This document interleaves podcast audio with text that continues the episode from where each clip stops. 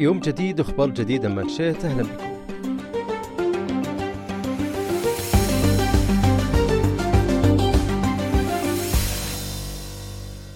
عواصم العالم الكبيرة والمدهشة والصاخبة لا تنمو مثل ما تنمو الرياض، فالرياض تزدهر كل يوم وتنمو أضعاف أقرانها، وصارت اليوم الرياض تتصدر عواصم العالم في جميع المجالات، ولو بنسأل ليش بنشوف الأسباب الكثيرة.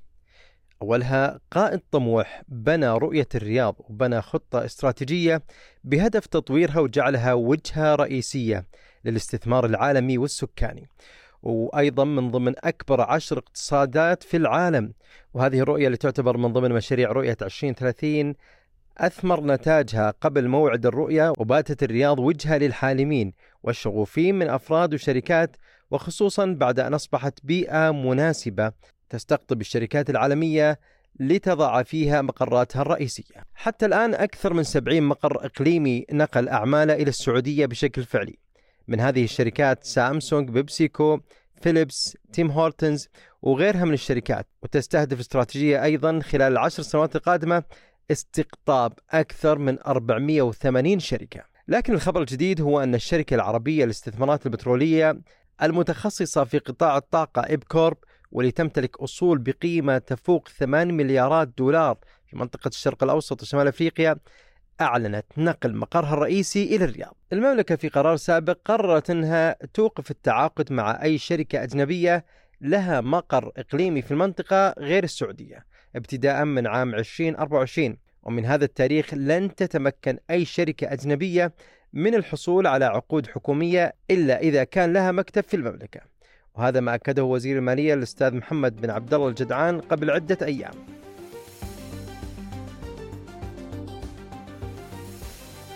أعلن قرار المملكة هذا في عام 2021 تحديدا في شهر فبراير. ومن آثار هذا القرار الكبير من ناحية اقتصادية واستثمارية أن بترتفع كفاءة الإنفاق وبيتم الحد من التسرب الاقتصادي. وبنضمن أن المنتجات والخدمات اللي تشتريها المؤسسات الحكومية تتنفذ في المملكة بمحتوى محلي مناسب.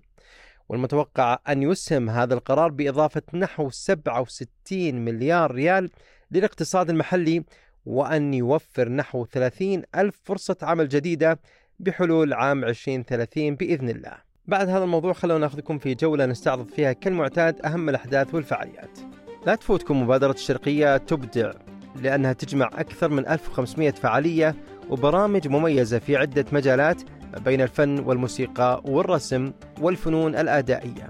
وتستمر هذه المبادرة في نشر إبداعاتها حتى ال 25 من نوفمبر الحالي.